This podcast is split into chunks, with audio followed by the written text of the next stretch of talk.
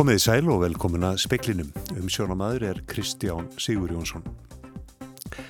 Sáttasemiri aflýsti í dag sáttafundi í kjaradeilu eblingar og reykjavíkuborgar. Engin fundur hefur verið bóðaður og allt stefnir í að tveggja og hálfstags verkvall hefjist um hátegi spila morgun. Kristján Viðar Júliusson, eitt þeirra sem síknaðar voru í Guðmundar og Gerþinsmálunu, hefur stemt Íslenska ríkinu og krafist rúmlega 1400 miljóna króna í bætur.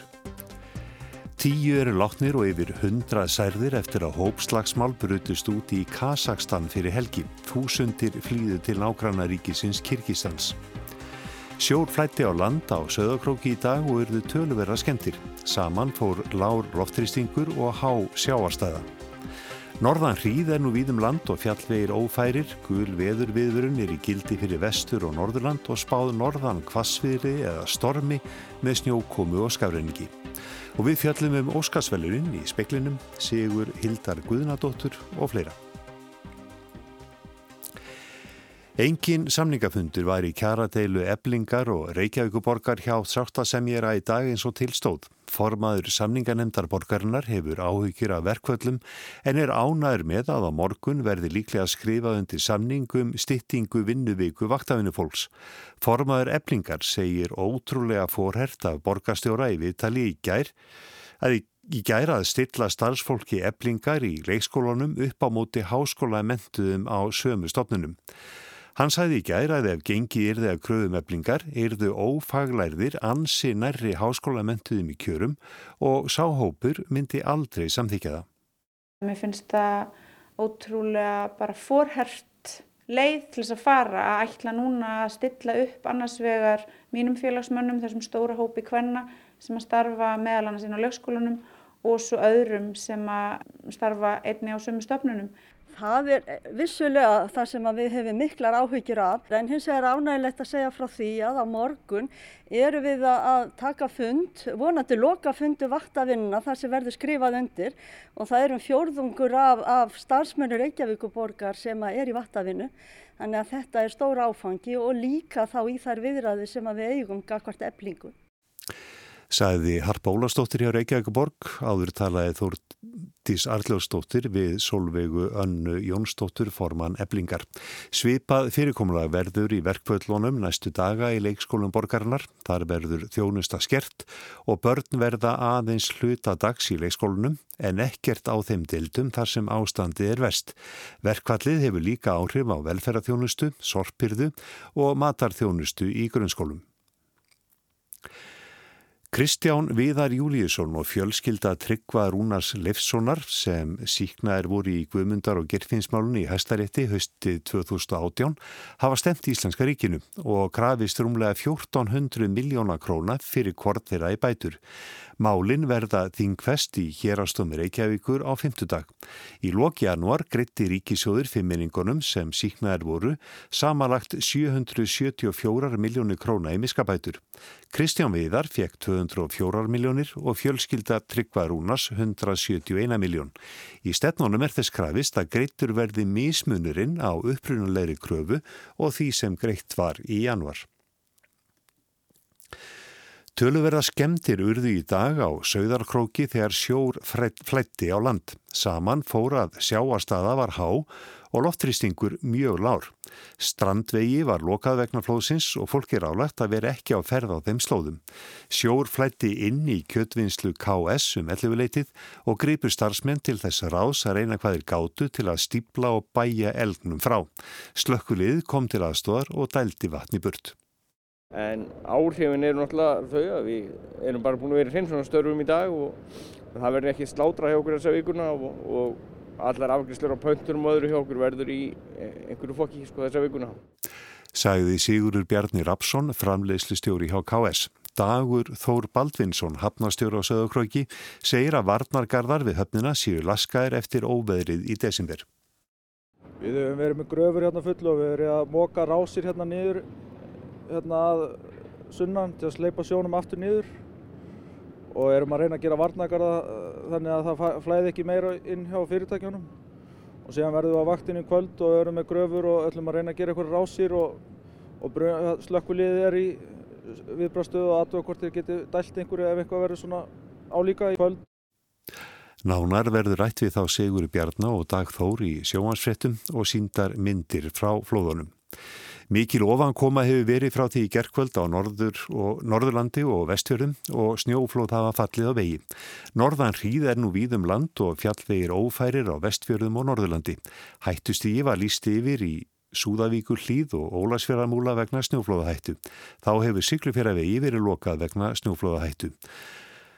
Gul veðurviðvörun er í gildi fyrir vestur og norðurland og spáð norðan kvassviðri eða stormi með snjókomu og skafreiningi.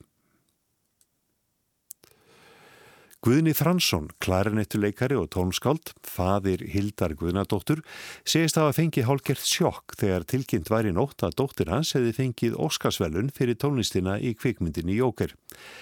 Elsa Maria Guðlögs drífudóttir fréttamaður náði tali að Guðna í stikkishólmi í dag. Maður vissi alltaf að hún myndi fara sína leið, hvaða leið sem myndi finna, en hún fengið Óskar fyrir það, það var svo sem ekkert sem að, að hérna, maður viðbúið en hún myndi finna svona svolítið sína rödd í, í tónlistinni sko en það er einhver ferskur blæri við því sko. hún kemur svolítið innanfrá, ég held að það sé það sem hann er til fólk sko. Hversu langt heldur á nái? ég veit ekki, maður verður náttúrulega skítrættu þegar svona gerist eins og, eins og svona velum, þá verður maður bara að vona og hún fá mjúka lendingu og halda áfram að gera músik, ég ekki, maður er alveg útlokað að segja sumir sem fá Nobelin hætta bara alveg að skrifa eftir það og, og eitthvað svona en En ég vona að það gerist nú ekki. Hún eh, heldur áframvægandi að gera sínum hún ætlar heldur að gera plötu núna, sko, ekki kannski vera svo mikið í bíónu. Þó veit maður ekki, nú kemur Hollywood bara áfram og bankar og bankar og, og hérna, það verður bara komið. Þetta var Guðinni Fransson, fjallaverður um Óskarinn og Hildi síðar í speklinum. Forseti Kazakstan rak í dag ríkistjóra og lauruglustjóra Jambíl Híras, þar sem hópslagsmál brutust út á förstaskvöld. Átta létust í óverðunum, fjölmarkir særðust og þúsundir flúðu undan ábeldinu til nágranna ríkisins Kirkistans. Talið er að ungir menn af ætt kvistli Kasaka og minni hlutahópur íslamskra dungarna hafi tekist á. Kveikt var í tögum íbúðarhúsa. Um það byl fjögur þúsund láð á flótta yfir landamærin til Kirkistan og letuðu þar hælis.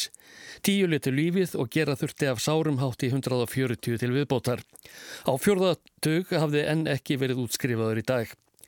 Lóreglu og þjóðvarliði tókst loksað og lögardagskvöld að stilla til fríðar. 47 voru handteknir. Á þriðja tug verða ákærðir fyrir ímsarsakir allt frá mandrápum til þess að hvetja til ofbeldisverka. Kasim Jómart Tókæf fórseti kallaði ríkistjórn landsins til neyðarfundar á laugardag. Í dag tilkynnt hann síðan að ríkistjórin í Jambil hefði verið rekinn og Berdi Bekk Saparbæf aðstóðar fórsetis er á þeirra verið skipaður í hans stað.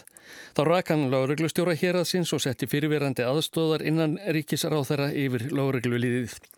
Þessar ráðstafanir þykja til marksum að stjórnvöld í olíuríkinu Kazakstan ætli ekki að láta ofbeldismenn raska stöðuleika landsins eða skada orðbor þess út á við.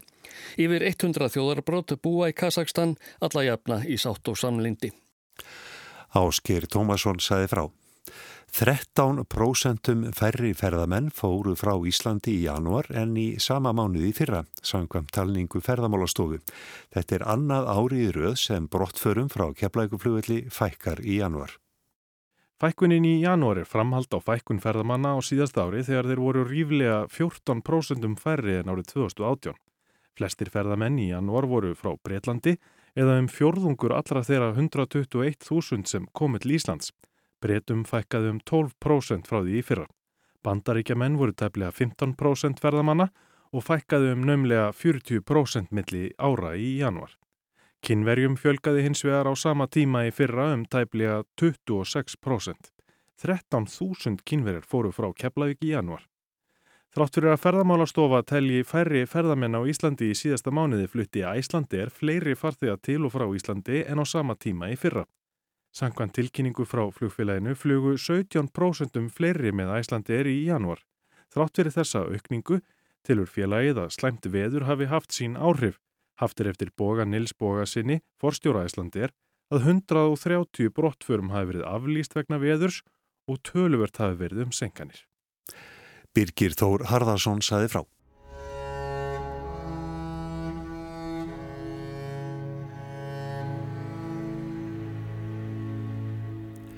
Sigur Hildar Guðnadóttur á Óskarsvelunaháttíðinni í Hollywood í nótt hefur svo sannarlega glatt Íslandinga.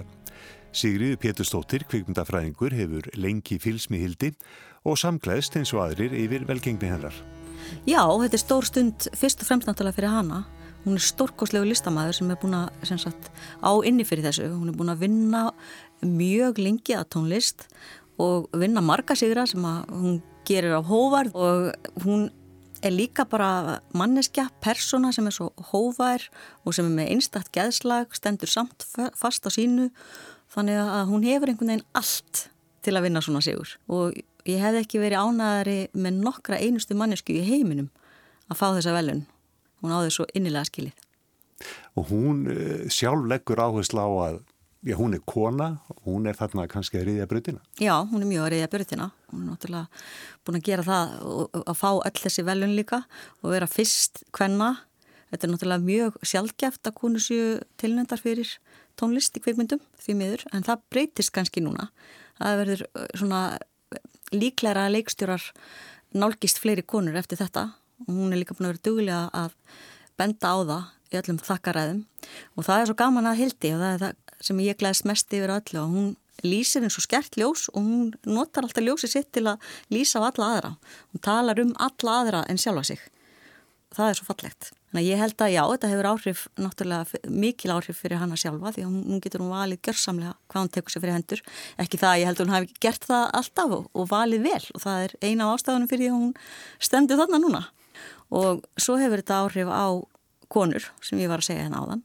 Svo hefur þetta öruglega áhrif líka á kvikmyndatónlist því hún er að riðja brautina þar líka. Þetta eru eh, virkilega frumlega verk, bæði okkar og ekki síður Tjernobyl sem hefur náttúrulega fengið mjög mikla umfjöldun og eh, svo er þetta ábyggilega líka mjög gott fyrir okkur, íslenska kveikmyndagerð. Ég hef fundið fyrir því að, að fólk er að horfa meira til Íslands út af hildi. Það hefur verið beðið með spenningi eftir þessu viða. Sérstaklega í Breitlandi hef ég fundið fyrir það af því ég bjóðar og, og fæ mjög mikið skilabóðum frá vinið mínum um það. Þannig að ég held að þetta hafi freka viðtæk áhrif. Þau eru ekki að fara að koma kannski svona 1 og 3. Þetta er ekki þannig fyrirbæri en þetta, já, þetta mun hafa mikil áhrif. Þú nefndir að tónlist hennar, já að hvaða leiti er hún sérstök sem kveipmyndatónlist? Hún er að gera tilraunir með tónlistina mikið. Hún hefur gert soloplautur sjálf til dæmis sem hafa nú ekki verið mikið í umræðinni með nútíma tónlist sem er alveg stórkoslegar frábærar og hún er alltaf að gera tilraunir með hljóðfæri sitt, sellóið og með hljóð og spila líka sjálf inn á myndir og svo náttúrulega hljóðið í Tjernobyl þáttunum sem hún tók upp í kjarnarkuverinu að það er alveg einstakt og mikið verið talað um það. Þetta er ótrúlegur hljóð heimur þannig að þetta er ekkit minna en frumkvölaverk. Það er bara þannig. Svo við snúm okkur að einum stóru tíðundunum að þessari Óskarsvælun hátíð. Það var þessi óvænti sigur suður kórisku myndunar Parasite. Já. Hvaða mynd er þetta? Já, eftir Bong Joon-ho. Þetta er mynd sem er ofbáslega óvennuleg og allir náttúrulega, hún er búin að fara séu förum heiminn og það bjúkust allir við að hún er því besta ellendamynd en fólk bjóst kannski ekki við því að hún er því líka besta mynd því það hefur ekki gerst áður að mynda á erlendu tungumáli sem líka valin besta mynd. Þannig að það var mjög skemmtilegt og auk þess fekk hann leikstjóðanvelunin og hún fekk velun fyrir handrit þannig að þetta var allt öðruvísi heldur en nokkuð tíma, nokkuð tíma áður og glatti mjög óstjórnlega. Þetta er alveg frábær mynd. Hún er allt í senn, hún er pólitísk, hún fjallar um misrétti, hún er fyndin, hún er komedía, hún er eiginlega bara horror og thriller líka.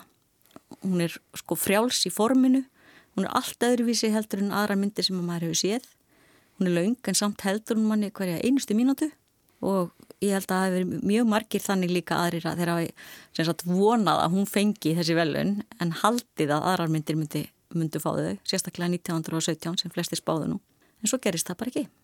Svo bara tók hún all velunin, þannig að þetta á eflust eftir að hafa áhrif líka og svona opna meira á það að myndir á öðrum tungumálum en ennsku komist aðni inn með tilnefningar og ég vel fái velun Hefur ykkur huglið það, akkur það gerist núna að, að þetta sé í fyrsta sinn? Já, ég, þú veist, það kemur mann í rauninni ekki á óvart að maður hugsa um hvað að sömuleiti, þetta eru skriknin tímar, sömuleiti eru myndir orðnar miklu aðgengilegri, öðru leiti er, er erfiðara að sjá þær, það, veist, það eru allskynnsveitur og maður veit ekkert hvað maður á að leita myndum lengur.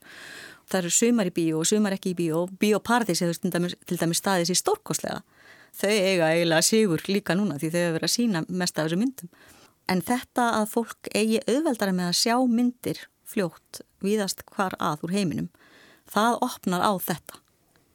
Það er ekki spurning. Eitthvað annað á þessari hátíð sem að vakti sérstaklega aðtíkli þína? Já, náttúrulega það sem maður mikið talað um skort á fjölbreytni og, og mér fannst náttúrulega leiðilegt að vera engin kona tilnæmt sem leikstjóri því að það er áttu frábært ár sem leikstjórar. Og ég hef nýbúin að sjá Little Women sem að er alveg frábær frábælega velgerð af Greta Jörvik og ég hef nú búin að sjá svo margar útgáður af þessari mynd og, og bókinu var í miklu uppáhaldi hjá mér því ég var ung stúlka En samt sem áður hafði þessi nýja mynd þau áhrif á mig að mér fannst ég verið að sjá þetta þessar sögu upp og nýtt. Ótrúlega velgerð og skemmtileg. Þannig að ég hefði gerna vilja sjá hana og ég hef fleiri konur tilnæmdar, það voru marga góðar. En þessir fjóri leikara sem við fengum þarna leikaravelunin, uh, áttu þeir þau velun skilið? Já, mér fannst það ég, eh, og þetta var eitthvað sem allir byggust við og gerðist. Það var svona ekkert óvænt við það, bara óvænt svona í lokinn. Hvað tekur nú við hjá Hildi Guðmundóttur? Já, þú er eiginlega að spurja hana því. ég ímynda mér að hún reynir nú að kvíla sig aðeins kannski. Þetta er búið að vera alveg rosalega strangt fyrir hana að fara á milli velunaháttíða alveg stanslust og taka mútið velunum og hún er búin að gera það svo einstaklega vel. Þessi þakkaræðin í gæri bara einhver svo allra fallegasta þakkaræða sem ég hef nokkuð tíma að séð og er ég nú búin að fylgjast með þessari velunaháttíði nokkuð lengi og öðrum. En ég vona að hún fái frið til að halda áfram að semja tónlist og ég efast reyndar ekki um að hún taki sér þann frið. Hún er jærböndin og, og klár og hún á eftir að hún á eftir að fara vel með hennar sigur. Ég efast ekki um það ekki einu, einustu mínut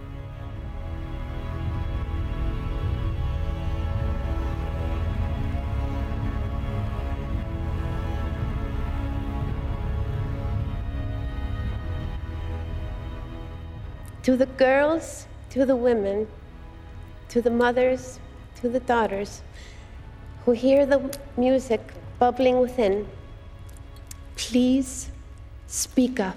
We need to hear your voices.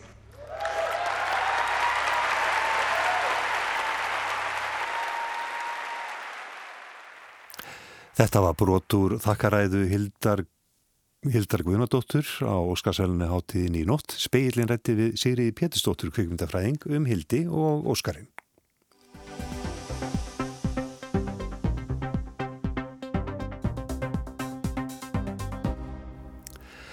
Sáttasemjari aflýsti í dag sáttafundi í kjaradeilu eblingar og reykjaguborgar. Engin fundur hefur bóðaður og allt stefnir í að tvekja á hálfstagsverkvall hefjist á morgun. Ástæðan fyrir því að sáttasemjari aflýsti fundunum í dag er vantilega svo að hann hefur metrið að svo að tilgangslaust sé að bóða til fundar. Að ekkert nýtt kæmi fram á fundunum. Þetta þýðir líka að sáttasemjari er að þrýsta og aðila að leggja eitthvað fram sem gæti þoka málun áfram eða fært deiluna nær einhverju laust. Ebling hefur líst í yfir að félagi sé tilbúða semjum kröfunar sem lítur að leiðretting og stöðu ófaglærað í leikskólum borgarinnar og þá eftir að komi ljós hvort ný tilbúð verða lög fram. En staða núna er svo að engin fundur er bóðaður í deilinni. Verkvall félagsmanna eblingar sem starfa hjá borginni hefst því að öllum líkindum að háti á morgun og mun standa samfleiti fram að miðnætta á fymtudaginn, stendur yfir í tvo og halvan sólarhing. Endar til aðgerða tvissvar í síðustu viku, halvan og heilan sólarhing. Verkvallið nær til sömu vinnustada og í síðustu vikum eða um 129 starfstöða. Mest er áhrifan á 63 leikskólum sem er borgin rekur þar sem um 3500 börn verða sendt vantilega heima morgun á hátegi. Undan þár voru veittar vegna starfsfólks eblingar sem sinnir viðkvæmum ummönnastörfum, það á við ummönnunu fallasfólks, aldrar á hjúkurunaheimilum og í heimahósum svo eitthvað sem nefnt. 245 undan þáur voru veittar. Bjarni Brynjálsson, upplýsingafulltrúi Reykjavíkuborgari, segir að verkvalli hefst á morgun muni það hafa talsvert meiri áhrif en aðgerinnar eða verkvallin í síðustu viku. Það mun hafa áhrif í leikskólunum og það mun hafa áhrif á 1650 manns sem að velferðar svið eh, sinnir hjá borginni. inn á hjókunarheimilunum í félagsmiðstöðunum þar sem að fólk fær ekki mat og síðan verður einhver senkun á, á, á, á sorpirðu. En þegar við að tala um um önnastörfin, það voru veitar undan þáur, að verður erfiðarða þar núna í ljósi þess að það er í mist þjónusta sem að fólk fær samt sem áður ekki? Já, eftir því sem að tímalengdin á verkvöldunum eikst að þá verður það svona þingra í vöfum allt saman. Það er til dæmis ekki sint böðun eða þrifum á eða, eða þvótta hússtarfsemi og svoleiði sem að eblingar fólk hefur sint. Þannig að eftir því sem að verkvöldin eru lengri, þeim mun meira álag verður líka á fólk sem er ennþá í vinnunni eins og til dæmis stjórnendum sem að þurfa þá að hlaupa í svona neyðatilvík og ég veit það að, að bara verkvöldin í síðustu viku gerur það verkum að, að velferðarsvið hefur verið að sækja um fleiri, fleiri undanþáur fyrir starfsfólk sem að sinnir svona þessari brínustu þjónustu varðandi umönnun aldraðara og sjúkra. Síðan hefur þetta líka þau áhrif á dagdvölina til dæmis í Þorraseli þar sem er dagdvöl fyrir eldri borgara að, að hún bara leggst af á meðan verkvallið er og, og það getur haft uh, sína áhrif á fólk sem er þá heima einangrað á meðan. Í leikskólanum í síðasta verkvalli, ja, sólarhingsverkvalli á fymtu dag að þá voru um 3500 börn sendt heim. Það er sami fjöldi sem að hugsanlega verður sendur heim í hátegin á morgun.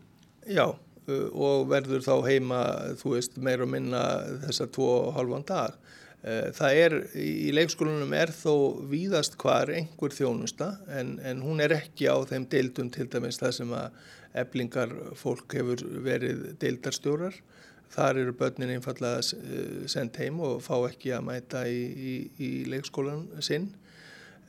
Þannig að þetta hefur viðtak áhrif vissulega og alvarleg og við hefum miklar áhyggjur af. Þetta var Bjarni Brynjólfsson.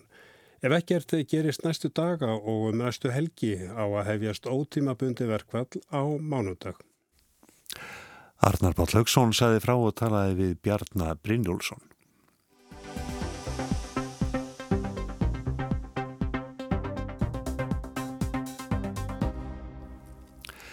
Saga þeirra sem tóku fastegna lán hjá landsbankonum í Luxemburg fyrir Gjaldrótbankans í oktober 2008 er orðin laung og ströng. Frönsku sagamáli laug nýverið með síknu en saksóknari hefur áfríamálunu og sama gerir hópur lántaka.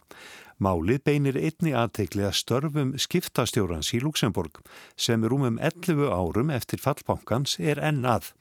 Það er löngu búið að slíta stóru íslensku bönkunum þremur sem voru þó mun stærri. Á árunum fyrir bankarunnið í oktober 2008 hafði Landsbankin í Luxemburg og fleiri erlendir bankar þar kefst um að selja sérstök lán til eldri húseganda í Fraklandi og Spáni. Lánin kallast equity release lán á ensku og hafa þekst í nokkra áratýji. Bankin metur húsegn lántaka sem fær svo lán út á virði húsins. Lántakin fær um fjörðung greitan út í hönd til frjálsrar ráðstöfunar. Bankin fjárfestir afgangin og galdurinn er að fjárfestingin borgi blánið. Ókeipis ráðstöfunafjö hljómar næstum á gott til að vera satt og það hefur enda komið í ljós. Í Breitlandi voru þessi lán seld stíft á nýjunda áratugnum, lovorðin stóðust oft ekki og húsegnin tekin upp í skuld ef fólk gæti ekki borgað. Þegar veðið var í heimilum fólks, stóðað á göttunni. Bresku reglunum var breytt ekki lengur hægt að taka svona lán út á heimili. Þegar landsbankin og aðrir erlendir bankar seldust lík lán ekki í Luxemburg, heldur á Spáni og í Fraklandi, íðulega til eldri útlendinga sem ímist bygguðar eða áttu dvalarstað, var gillibóðunu veifað ekki verið að rekja gamlar ófarasögur. Það er skemmt frá því að segja að gillibóðin rættust oft ekki fjárfestingarnar brögðust.